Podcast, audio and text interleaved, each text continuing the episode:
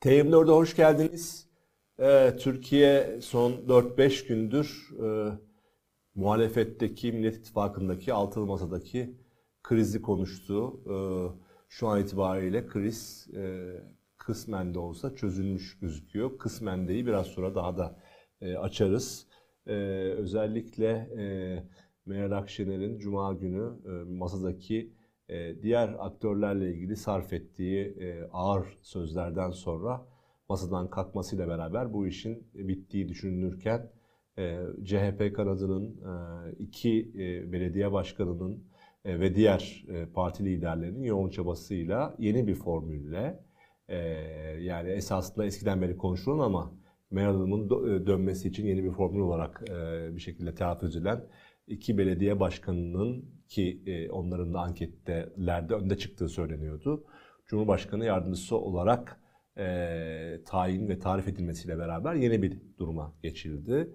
E, Kemal Kılıçdaroğlu Cumhurbaşkanı adayı olarak e, açıklandı.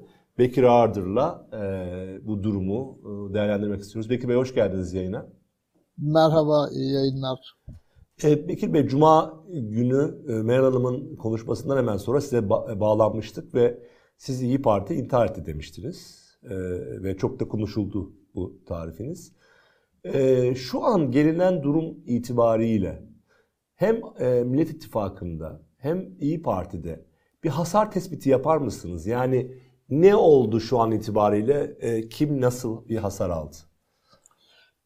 Şimdi önce tabii baştan izleyicilerimiz için şunu söyleyeyim. Yani işin magazinel tarafını ben çok da bilmiyorum. İşte senin ve diğer arkadaşların yazdıklarından o onu dedi, bu bunu yaptı falan izledik. Ama e, hem bilmiyorum hem de e, doğrusunu istersen bütün hikayeyi aktörler üzerinden okumanın bu seferde de genel olarak ülkenin bütün meselelerinde de sadece aktörler üzerinden anlamlandırmanın doğru olmadığı gibi bir kanaatim var. O yüzden de ben daha çok mesele ve toplumsal boyutuyla ilgiliyim.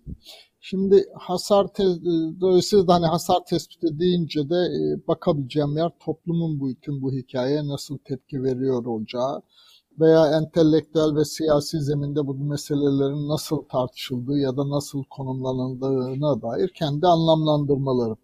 Şimdi benim gördüğüm esas itibariyle şöyle bir durum var. Yani bütün bu tartışmaları e, üç farklı bakış açısı var değerlendirirken herkesin e, pozisyon aldığı ya da üç farklı katmandan pozisyon alınılıyor ve değerlendiriliyor. Bir tanesi e, bu iktidarın bu gidişatın durdurulması ihtiyacı ve bir bakıma iktidara yandaş veya karşıt veya Erdoğan iktidarının devamı veya durdurulması üzerinden bakış. Birçok insan buradan pozisyon alıyor ve birçok duygu hali özellikle e, korkularda, kaygılarda, umutlar, sevinçler de o iktidarın durdurulabilme fırsatının güçlenmesi ya da zayıflaması üzerinden alınıyor. Peki bütün bu olanlar bu açıdan, bu katmandan baktığımız zaman hangi tarafa e, coşturur ya da e, öyle bir toplumsal sonuç üretir? Evet, iktidarı durdurma arzusundan pozisyon alanlar için bütün bu hikayenin hasarının ne olduğu, görev bölüşümünün ne olduğu, kimin ne kazandığı ne kaybettiğinden öte 14 Mayıs akşamı seçimin kazanılacağı duygusunun güçlenmiş olması. Bir, bir, tabii birazcık hani güçlü bir yani dün akşam medyada, sosyal medyada da tanık olduğumuz şey e, birazcık da hani e, bir köpürme ve e, hani son üç gün yaşanan büyük kaygı ve depresyon hatta dan sonra yeniden bu ittifakın oluşması ve böyle bir birliktelik ve hele bir de aynı anda da HDP eş genel başkanı Mithat Hoca'nın da başka bir televizyon kanalındaki açıklamalarıyla aslında olması gereken İyi Parti ve HDP'nin de e, bütün bu geniş ittifakın içinde Cumhurbaşkanı adayının arkasında olacağı umudunun güçlenmesi oldu ve onun ürettiği bir coş, coşku oldu. Ama ikinci bir katman var. Hikayeye sol ve sağ üzerinden bakan ve pozisyonunu buradan tarif eden ve orada o katmanda temel tartışma başlangıcından itibaren İyi Parti ile ya da Saadet Partisi ile CHP'nin bir arada oluşu üzerinden değil, CHP ve HDP'nin ya da ikisi de ne kadar soldur değildir ayrı tartışma ama en azından algıları ve kamuoyundaki algılanmaları ve kendi tanımları, kendi pozisyonları da öyle diye bir sol sağ üzerinden bakış. Dolayısıyla da İyi Parti'ye ya da diğer Millet İttifakı'nın diğer ortaklarına hep kuşkuyla bakan ya da eksik gören bir yerden bakıştı. Veya onun karşısındakiler de hani dün akşam da gördük. Saadet Partisi'ni affetmeyeceğiz diyen, Saadet Partisi'ni geleneksel sağın bir unsuru olarak gören veya devaya geleceği İyi Parti'yi hani İyi Parti'ye zaman zaman evine dön diyen o pozisyonlanma, sol sağ üzerinden bir pozisyonlanma. Üçüncü bir pozisyonlanma ya da bakış vardı. Demokrasi üzerinden bakmak. Yani Türkiye'nin meselelerinin ya da farklı siyasi geleneklerinin hepsinin bir arada olacağı olma ihtimali üzerinden hikayeyi anlamlandırmaya çalışmak. Şimdi ben doğrusunu istersen demokrasi üzerinden bakanlardanım ya da öyle bakıyorum. Neden? Çünkü benim bir problem tanımım var. Problem tanımım şu, yani bunu seninle de çok konuştuk. Yani bu topraklarda önce onurlu yaşamı, herkesin anladık yaşayabileceği, herkesin var olabileceği, bütün siyasi tercihlerin serbestçe siyasi rekabetin serbestçe çalışabildiği, fikir ve ifade özgürlüğünün mümkün olabildiğince genişletildiği, siyasi alanın mümkün olduğunca genişletildiği ve büyük toplumsal uzlaşmayı yapmak. Ve o toplumsal uzlaşma ne milliyetçiler olmadan inşa edilebilir, ne Kürtler olmadan inşa edilebilir, ne de AK Parti'ye oy veren muhafazakarlar olmadan inşa edilebilir. Yani Türkiye tek bir kimliğin tercihleri üzerinden yapabileceklerini denedi ve işte geldiğimiz yer meydanda. Karşımızda müthiş bir yıkım, kurum ve kuralların olmadığı, kurul, kuralsız, hukuksuz, keyfi, merkezi bir hayat. Şimdi dolayısıyla bizim önce sol sağ olmaktan e, öte ya da iktidardan yana karşı olmaktan öte büyük toplumsal uzlaşmayı ve hepimizin bütün siyasi geleneklerin iyisiyle kötüsüyle oy veririz vermeyiz ayrı ama herkesin kendi kimliği ve kendi tercihleriyle örgütlenebildiği, var olabildiği bir ülke.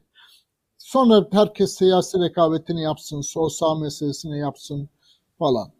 Dolayısıyla ben buradan baktım ve altılı masaya da hep eleştirimde tam da buydu yani hatırlarsan. Yani o altılı masa eğer kimliklerden gelen farklı kimliklerin partileri ve bir arada oluşu ve demokrasiyi inşa edeceğiz deseydi zaten şimdiye kadar o dün akşam yaşanan coşku çok daha önce oluşacaktı. Çok daha önce büyük toplumsal destek sağlanacaktı.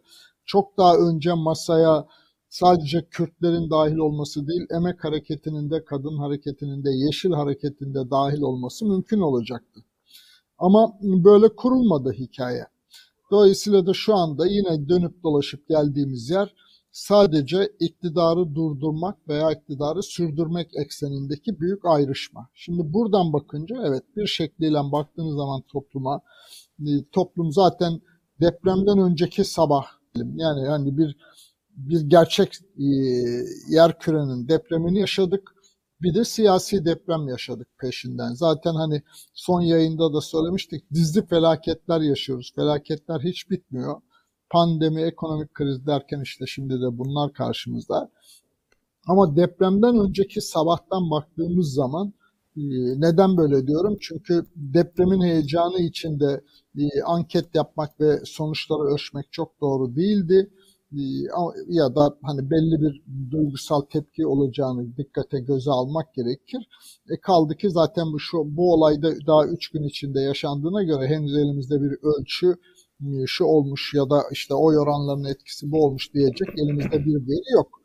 E, ama onun için depremden önceki sabahtan diyorum. Ön depremden önceki sabahtan baktığımız zaman e, toplumun %60'a yakını bu gidişattan şikayetçiydi ve bu şikayetin değiştirilmesinden şikayetinin ya da bu gidişatın durdurulmasından yana bir pozisyonu vardı ama siyaset buna bir karşılık üretememiş durumdaydı. Şimdi dün akşamki yenilenmiş mutabakat diyelim ve HDP'nin de o mutabakata e, daha yumuşak bakışı en azından ilk tepkiler olarak bu 60'a yakınlık o toplumsal itirazı bir biçimde bir hedefe doğru kanalize etme imkanının olduğunu gösteriyor bir yandan. Bu hani Millet İttifakı için ya da e, aday Kemal Kılıçdaroğlu için bir fırsat alanı. Yani %60 potansiyeli var karşısında. Bunun içinden 51'i bulması e, kolay ve daha mümkün görünüyor en azından bugünden bakınca. E, ama bir başka tarafı, bir tarafı var bu hikayenin. Biz şimdi bütün bu meseleleri ya da sayıları bir eninde sonunda ne kadar haz etmesek de, hoşlanmasak da, gönülsüz rızamız dızında alışkanlık gereği yapıyor olsak da işte 13 oy, onun 15 oy bunun diye bir matematik işlemle bir şeye geliyoruz. Ve Millet İttifakı da dün akşam bütün bu coşku üreten de o matematik işlemden e, güçleniyor.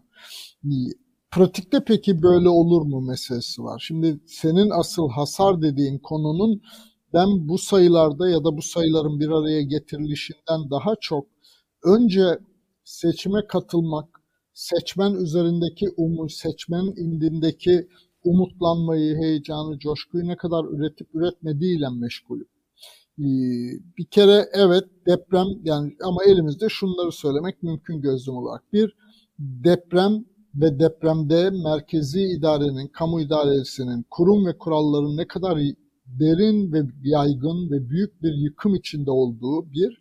iki yıkımın yanı sıra o yıkım anında sürecinde bile hala benden yana olanlar, makbul olanlar ve olmayanlar diye bir ayrım yaptığı, ölülerin bile neredeyse veya felaketin coğrafyasının bile böyle ayrıştırıldığını gördü toplum.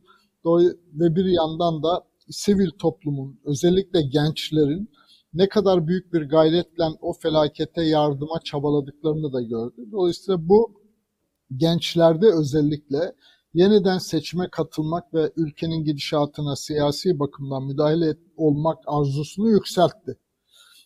Ama sonra peşinden bu siyasi deprem geldi. Herkes derin bir yeise kapılmıştı birdenbire.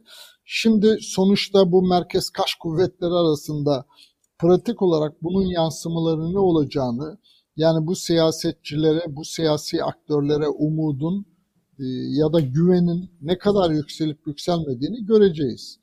Ama e, bütün bu hikayede hala en güçlü duygu olarak görünen şey bu iktidarı durdurmak olduğu için bu yenilenmiş mutabakat önünde bir müthiş fırsat alanı var. O fırsat alanını doğru kullanabilirlerse ya da bundan sonra başka çıkması olası krizleri yönetebilirlerse. Çünkü bir yandan da sen de ben de biliyoruz ki gelinilen nokta evet şu anda oyun bozanlık etmeyelim. Hani e, çorbaya sirke döküyor olmayalım ama başka emareler de gösteriyor ki hala bir dizi başka kriz e, olasılığı da vardır önümüzde. Bekir Bey dünkü e, mutabakat fotoğrafından sonra ortaya biliyorsunuz e, 12 maddelik bir yol haritası kondu, geçiş süreci kondu. E, uzun süredir çalışılan bir süreçti. O süreçte özellikle bir madde e, önemliydi. Çünkü çok uzun süre bu e, altılı masayı oluşturan e, partiler, liderleri, vekilleri partili cumhurbaşkanının doğru olmayacağı üzerinden veya yanlışlar üzerinden bir e, söz belagat üretmişlerdi. Şimdi e, anlıyoruz ki e, en azından e, e, eğer kazanırlarsa parlamenter sisteme geçene kadar e, anlıyoruz ki Cumhurbaşkanı seçilirse eğer e, CHP Genel Başkanı Kemal Kılıçdaroğlu partisinden ayrılmadan burada devam edecek. E, birincisi evet. bu, birincisi bunu görüyoruz. Bir birinci anladığım şey o. Parti evet. genel başkanlığını bırakmadan Cumhurbaşkanlığı devam edecek. E, ikincisi e, geçiş sürecini e, bir şekilde hızlandırmak için ki 6 ay tahmin ediyorlar.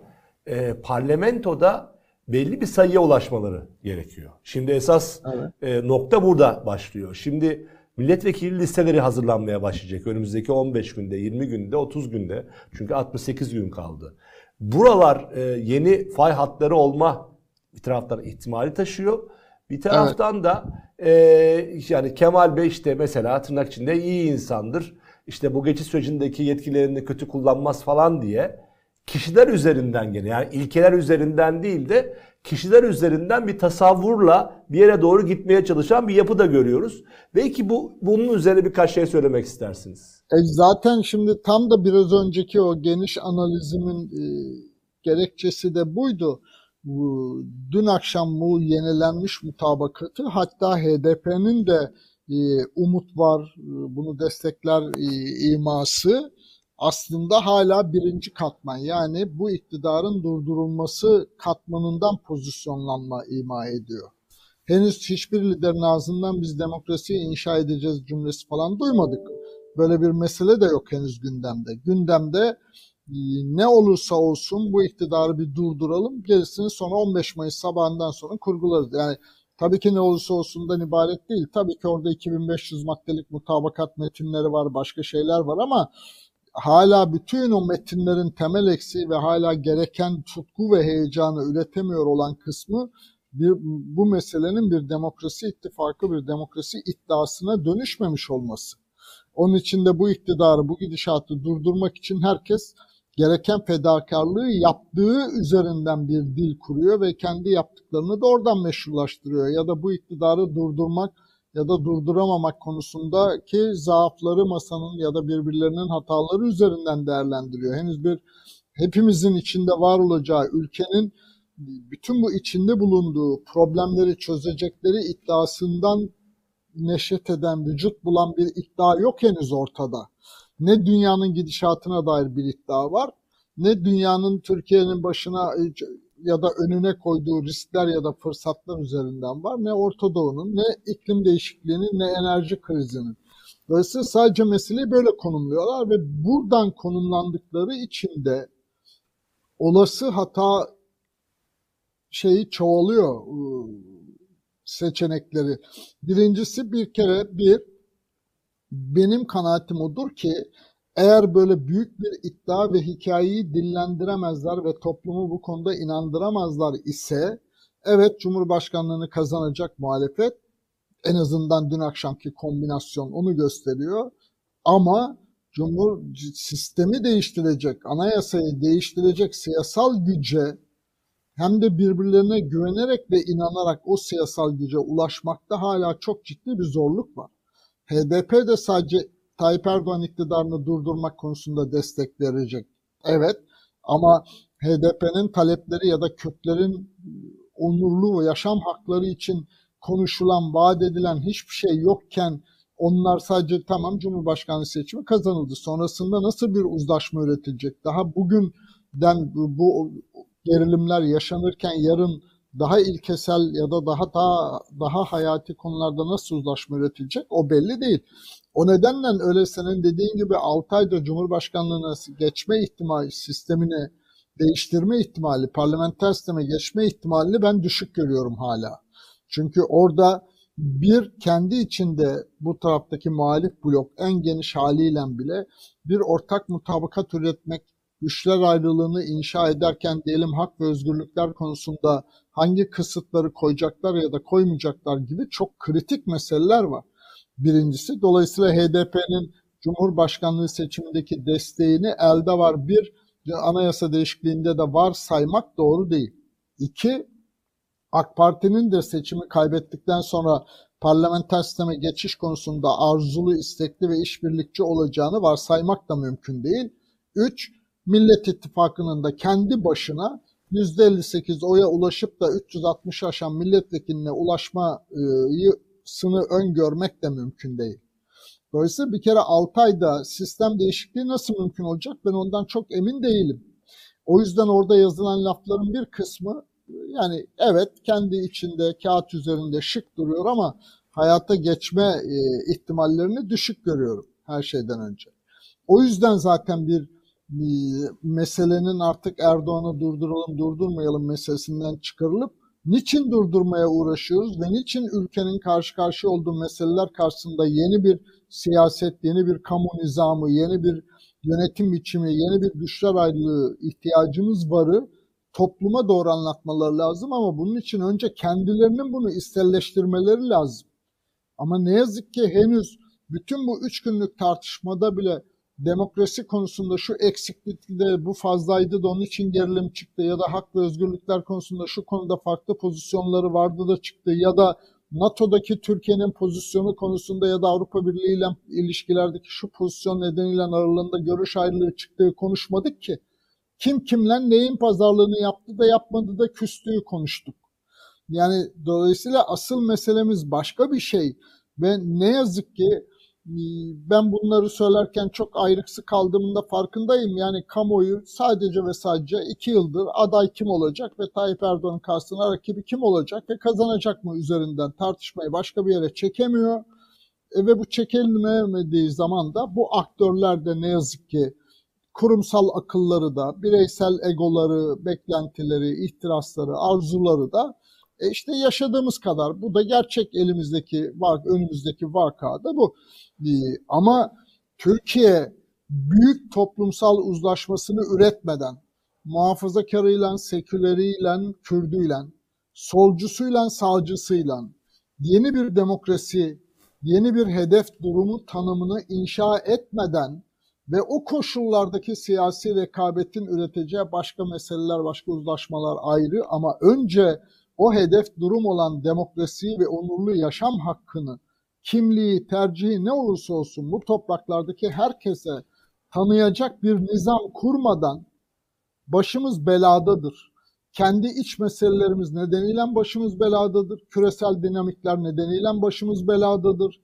Yani ve kimsenin işin bu tarafıyla meşgul olduğunu da görünmüyor en azından. O nedenle tamam şu andaki mutabakat bu gidişatı dur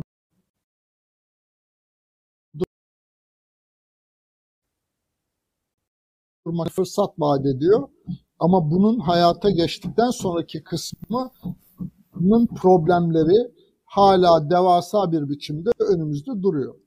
Evet. Ee, Bekir Bey, e, belki şunu da e, sormak gerekiyor. E, eleştirilerimizin yanında mesela tırnak içinde mahallelerinin kendine gösterecekleri tepkiyi bilmelerine rağmen ya da ilk andan itibaren mahallelerinin o ağır tepkileri özellikle iktidar tarafından gelmesine rağmen mesela Temel Karamollaoğlu yani milli görüşün şu andaki temsilcisinin kendi binası önünde CHP'li bir adayı açıklaması evet. ya da e, Ali Babacan'ın, Ahmet Davutoğlu'nun bu süreçte bir şekilde e, durumu toparlamak için çaba sarf etmesi. Yani bunlar da bir taraftan veya Cumhuriyet Halk Partisi e, Genel Başkanı Kemal Kılıçdaroğlu'nun bir öz eleştiri yaparak 28 Şubat başörtüsü oradaki durumla ilgili bir pozisyon alması. Yani e, tabii bunlar her biri e, umut veren bir taraftan da tabii, şeyler. Çünkü tabii, tabii. E, an itibariyle e, çok yoğun bir şeyi de görüyoruz. Yani özellikle hani bunu e, alçılamak isteyenler için. Bir de tabii şunu görüyoruz. Siz toplumsal bakıyorsunuz her zaman. E, toplumda çok farklı görüşteki insanların heyecanlandığını, umutlandığını e, ve e, hep nedir yani Türkiye toplumun karşısında hep bir tek e, kişi var. Recep Tayyip Erdoğan var. Her şekilde her kapı her yol ona çıkıyor. Deprem felaketinde gördük ki her kapının tek bir kişiye çıkması bir felaket. Ama şimdi yeni bir düzende işte e, milliyetçi, muhafazakar, sosyal demokrat, e, pek muhtemel yakında işte Kürt siyaseti, solcular böyle büyük bir e, yapı da en azından hep söylediğimiz toplumsal değişikliği mümkün kılmak konusunda umut verici bir şey de değil mi sizce? E, elbette müthiş bir enerji e, alanı bence bu. Ya bir kere toplumda hepimiz galiba yorulduk. Her gün azarlanmaktan, her gün ayrımcı sözlere muhatap olmaktan, her gün hakaret edilmekten, her hak talebimiz için sokağa çıktığımızda şiddet görmekten, futbol maçındaki o vandallığın bile normalleştirildiği, herhangi bir yerde bir partinin gösterisine esnaf saldırdığında bunun alkışlandığı yönetenler tarafından hatırlıyorsun değil mi? Yani HDP konvoylarına ilk saldırıları bugünün Cumhurbaşkanı o günün Başbakanı onayladığı andan itibaren yanlış hatırlamıyorsam Tokat'taydı. Ondan sonra giderek çoğaldı. Şimdi de işte Bursa'da bir futbol maçındaki o vandallık ötesi şiddeti normalleştiren dil bütün bunlardan yorulduk. Toplumun her kesimi yoruldu. Toplumun her kesimi sıkıldı. Yani umuda ihtiyacımız var ve sadece buradan bakarak, bu duygu halinden bakarak bile gidişatın durdurulması ve değiştirilmesi gerekiyor. Yani doğru. Ama bu değiştirme dediğimiz andan itibaren yani durdurma kısmı kolay yani da yıkmak da kolay. Bu iktidar da işte başardı. Bir sürü kurum ve kuralı birdenbire yok etti geldi. Ama yeniyi inşa etmek öyle kolay değil. Yeniyi inşa etmek için büyük toplumsal uzlaşmalara ihtiyacımız var. Bütün bu zaman aralığında küresel ve meselelerin, dinamiklerin ürettiği riskler, fırsatlar içinde iklim değişikliğinin ürettiği bütün insanlık ve kainat için var olma, yok olma problemlerinin karşısında bir yandan da Kürt meselesi gibi ya da toplumsal kutuplaşmalar, kimliklere sıkışmalar ya da işte maçlarda olduğu gibi gündelik hayatta giderek normalleşmeye başlayan şiddet, toplumsal cinsiyet eşitliğindeki kadın cinayetlerindeki problemler, ya da işçilerin sosyal güvencesiz çalıştırılıp ölüme terk edilen her ay neredeyse 300-400 iş kazasıyla kaybettiğimiz can var. Şimdi bütün bunları bir arada yeniyi inşa etmeden bunları normalleştiren ve bunları fıtrat, kader sayan yeni bir iktidar veya eski iktidarla devam edemeyiz. O yüzden yeniyi konuşmadan, yeni niçin bütün bu hikayeyi durdurma meselesinin gerekçelerini yerlerine oturtmadan o toplumsal uzlaşmayı üretemiyoruz.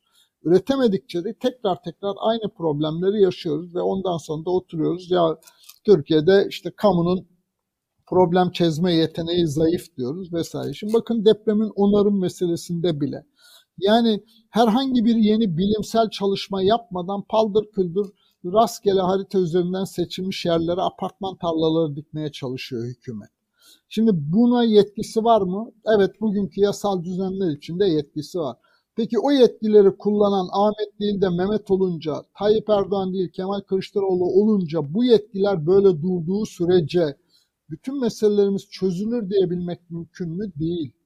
Yani onun için hakikaten devasa problemlerle karşı karşıyayız ve bunları da serin kanlı bir yerden birilerinin söylemesi, konuşması gerekiyor.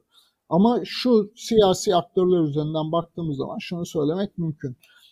Siyasi aktörlerin her bir partinin işte son krizde de İyi Parti'nin kendi içindeki o örgütsel dokusundaki farklılıkların, farklı pozisyon alan işte ama klik midir, cenah mıdır, grup mudur bilmem ama adına ne diyeceksek diyelim nelere mal olduğunu yaşadık Yarın da diyelim milletvekili listeleri meselesi sırasında CHP içindeki grupların nelere mal olacağını da yaşayacağız. Evet. Açık bütün bunlar. Yani bütün bunları aşacak şey siyaseti kişisel ihtiras ve kariyer meselesi olmaktan çıkarıp hayata ve ülkenin gidişatına müdahale hali alanı haline çevirmemiz. Yani siyasette gerçekten asıl devrimi, reformları, büyük kapsamlı değişikliği siyasi alanda yapmamız lazım öncelikle. Yani benim umudum ve temennim bu partilerin iktidarda ya da parlamentoda çoğunluğu az kazandıkları an önce siyasi alanı düzenlemeleridir. Ve o siyasi alanı düzenleyerek uzlaşmaları üretmenin yolunu, yordamını üretebiliriz. Yoksa hani Ahmet'in yerine Mehmet'i, e, Tayyip Bey'in yerine Kemal Bey'i koyduk diyerek bütün bu problemler çözülmeyecek. Aksine sen de ben de anlıyoruz ki 12 maddelik mutabakattan bile neredeyse 7 başkan yardımcısı, 5 bakanın da ayrı partilerden e, olduğu bir tablo içinde neyi nasıl uzlaşacağız ve büyük, o büyük arzuladığımız beklenen büyük devrimi nasıl reformları ya da nasıl hayata geçireceğimiz hala belirsiz. Ama her şeye rağmen bir başlangıç noktası tespit etmiş olduk. 15 Mayıs'tan itibaren toplumda bütün bu partilerin bunları başarıp başaramadığını görecek. Ona göre de hemen ardından zaten 10 ay 11 ay sonra yerel seçim var. Ondan sonrasında hep beraber yaşayacağız, göreceğiz. Evet. Bekir Bey tabii e, siz de demin yayının başında söylediniz. 2500 e, maddelik bir ortak mutabakat metni çalıştılar. Bir anayasa taslağı çalıştılar. Parlamenter düzene geçişi çalıştılar. Bir taraftan hani bu önümüzdeki süreçle ilgili ciddi bir külliyat da hazırlandı. Ama esas sizin yine biraz evvel söylediğiniz hani dediniz ya yorulduk diye.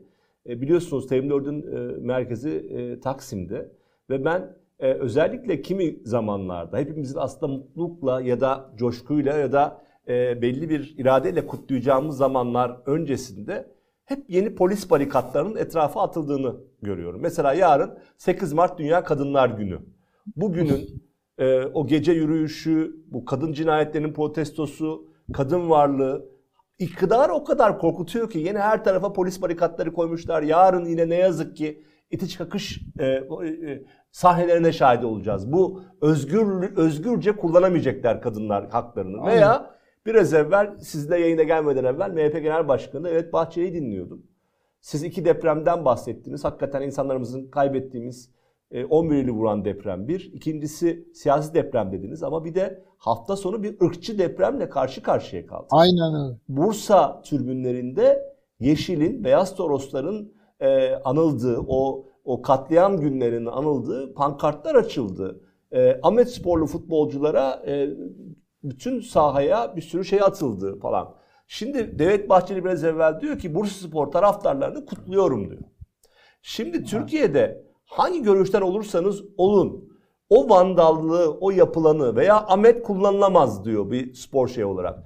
O vandallığı, o o o ırkçılığı e, kutlayan e, kişiler. Yani bütün bunlara da karşı da bu birliktelik yani şu anda oluşan birliktelik de hakikaten bir şeylerin önüne e, çıkabilecek derecede de umut veren bir yapıyı da bana düşündürüyor. Ya doğru ama işte bak tam da bu söylediğini söyleyecektim. Yani e, o diye Bursa Spor tribünlerinde yaşananlar ve aynı iktidar temsilcilerini alkışlarlarken Beşiktaş tribünlerinde çocuklara atılan oyuncaklara neler söylediler değil mi?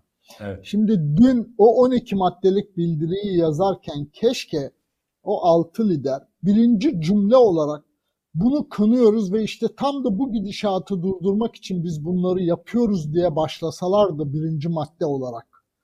Ama ben eminim ki birisi bile bunu önermedi ve biri önerdi de beşi itiraz etti falan da olduğunu sanmıyorum. Yani herkes dün o işte genel başkan yardımcıları olunsun mu olunmasın meselesine o kadar odaklanmışlardı ki kimsenin aklına o Bursa'daki olaylara tepki vermek ya da bütün bunlar için bir aradayız biz işte demek de gelmedi muhtemelen.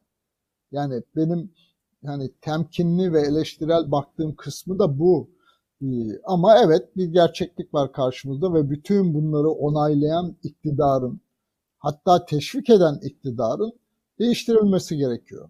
Ve bu gerçeklikten, bu duygu halinden bakıldığı için de dünden beri toplumun çok önemli bir kesiminde evet bir coşku, bir umutlu bekleyiş oldu. Ama Türkiye onun için diyorum Türkiye'nin karşı karşı olduğu meseleleri gerçekten çok katmanlı, çok boyutlu. Ee, yani sadece bu MHP lideri istedi ya da Bursa Spor tribünlerinde iki vandal organize etti diye olan bir durumdan karşı karşıya değiliz. Ee, onun için sıkça tekrarlıyorum. Örgütlü bir kötülükle karşı karşıyayız.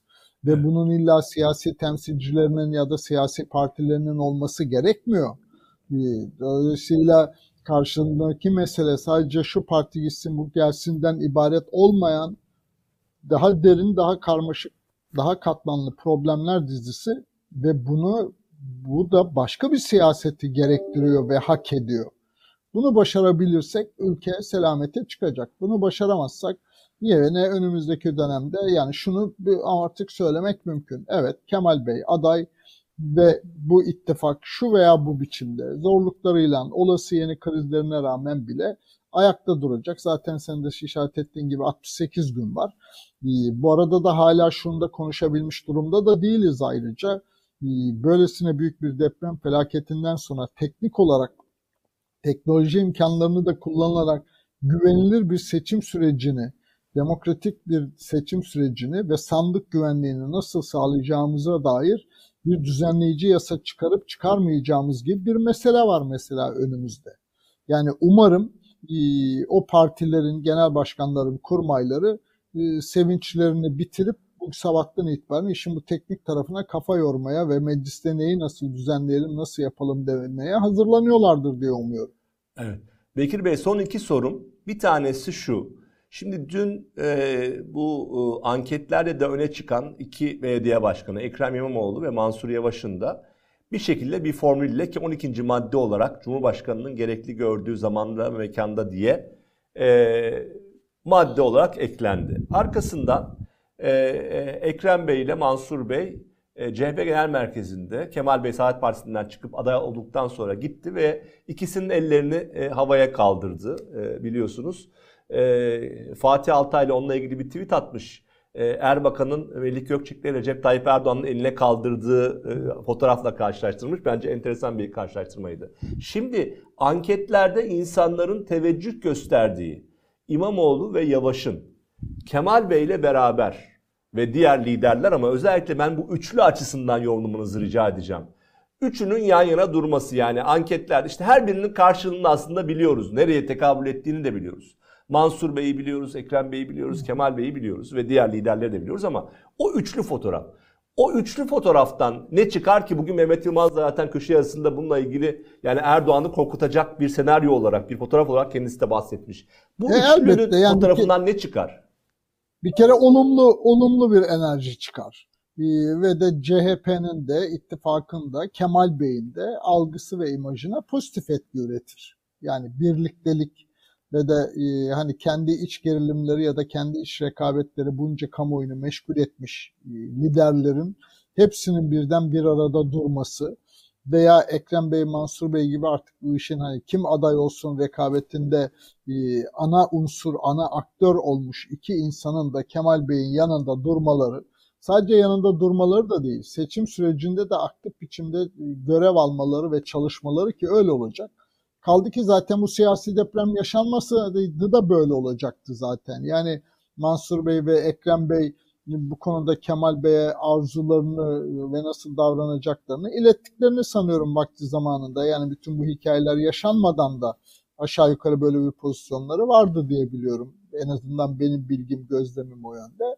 Ee, ama sonuçta bütün bunlar Kemal Bey için artı bir pozitif unsur elbette e, seçim sürecinde. Yani hani sonrasına dair bir kavganın şimdiden olmuyor e, izlenimi veren fotoğraflar, bütün bu liderlerin farklı kimliklerin bir arada duracağı bütün bu seçim kampanyası e, hani kazanma umudunu e, yükseltecek. Dolayısıyla oy davranışı dediğimiz hikaye ya da seçmenin oy tercihlerini etkileyen unsurlardan birisi de kazanacağına dair güven ya da umut meselesi.